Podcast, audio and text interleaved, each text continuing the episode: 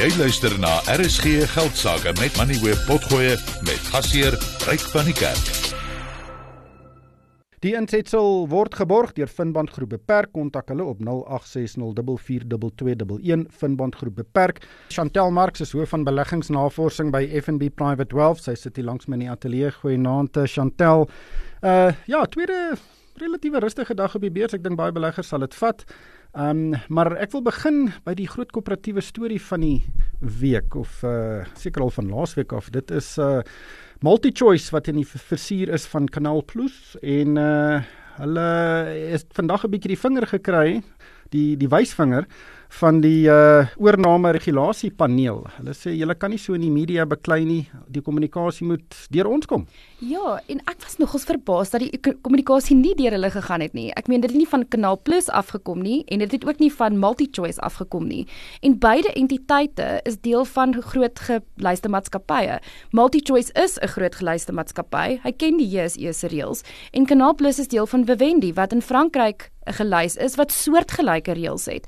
Jy kan nie net jy kan nie net gaan na um, na raadslede toe en sê okay hiersoos hiersoos 105 rand 'n aandeel en nee ons soek dit nie en niks van hierdie goed gaan deur daai paneel nie. Um dis vir my so 'n bietjie basies. Ja, ek dink daar was voorheen 'n geval, ek dink dis tussen um, Impact en Caxton was daar ook 'n bietjie van uh kommunikasie deur die media en toe het die die uh, sekuriteitepaneel gesê nee, daar moet 'n uh, bietjie meer reëls wees dat dit nie dat die hele onderhandeling nie in die media gevolg word nie. So dit ek weet ook, ek verstaan ook hoekom moet jy nou kommunikeer deur die reguleerder. So ek dink dit is net sodat hulle seker maak dit raak nie morsig nie. As jy onthou wat gebeur het met Caxton en Impact, dit was 'n moddergooiery heen en weer. Um en baie duidelik wou Impact nie oorgeneem word deur ge, ge, geword het deur um, Caxton nie.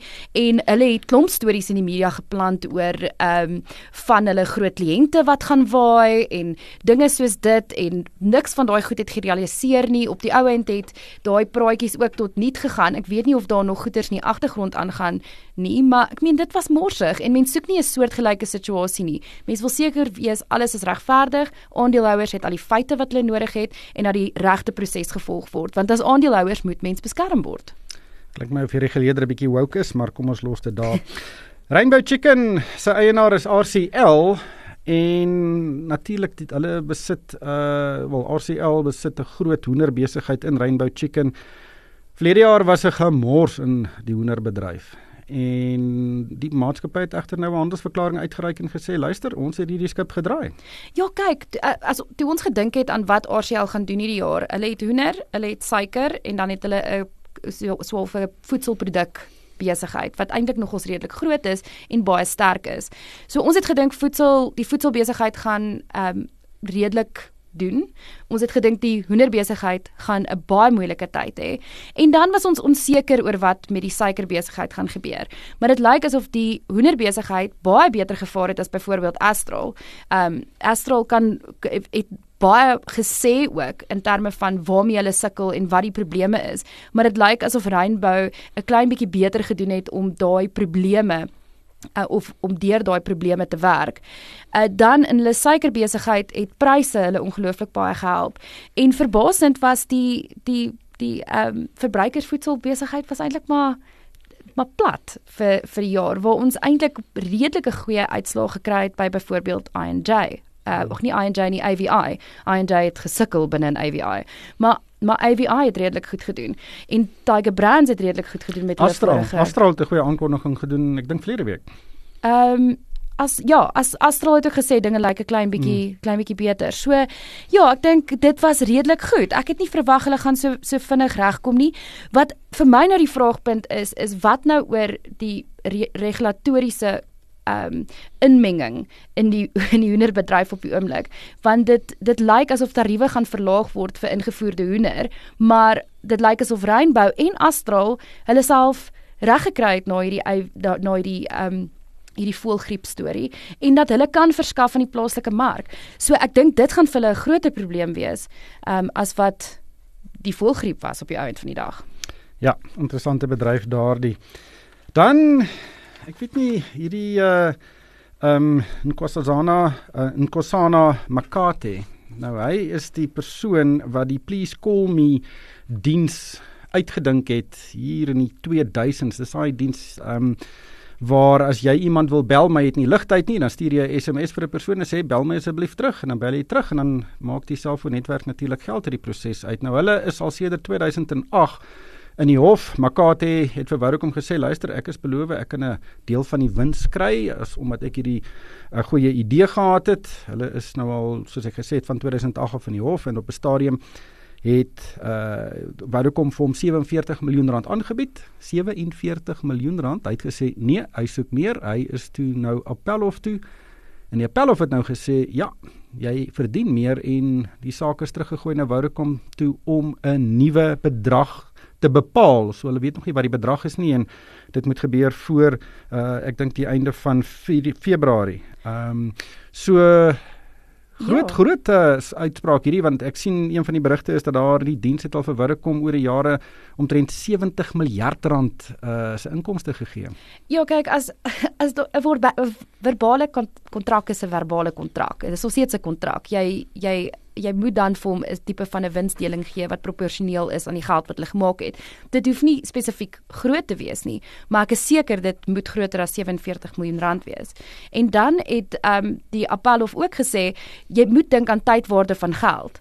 Inflasie het 'n impak op daai 47 miljoen wat hulle vir hom in die eerste plek aangebied het en hulle moet 'n rentekoers aan, aan dit sit.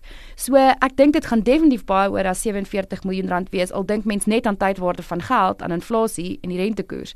Ehm um, maar ek glo dat dit gaan moet proporsioneel wees en ek is seker Vodacom is nog steeds besig om geld te maak uit die please call me's. Nee, uh, absoluut verseker. Dan gaan ons 'n stewige brandstofprysverhoging kry en en en weer eens dit is 'n funksie van die swakker rand um en die olieprys wat 'n bietjie sterker was verlede maand. Ja, ek die die die, die brandstofpryse is maar wisselvallig en dit is maar baie afhanklik van die petrol ag van die ehm um, die olieprys en is baie afhanklik van die rand wisselkoers.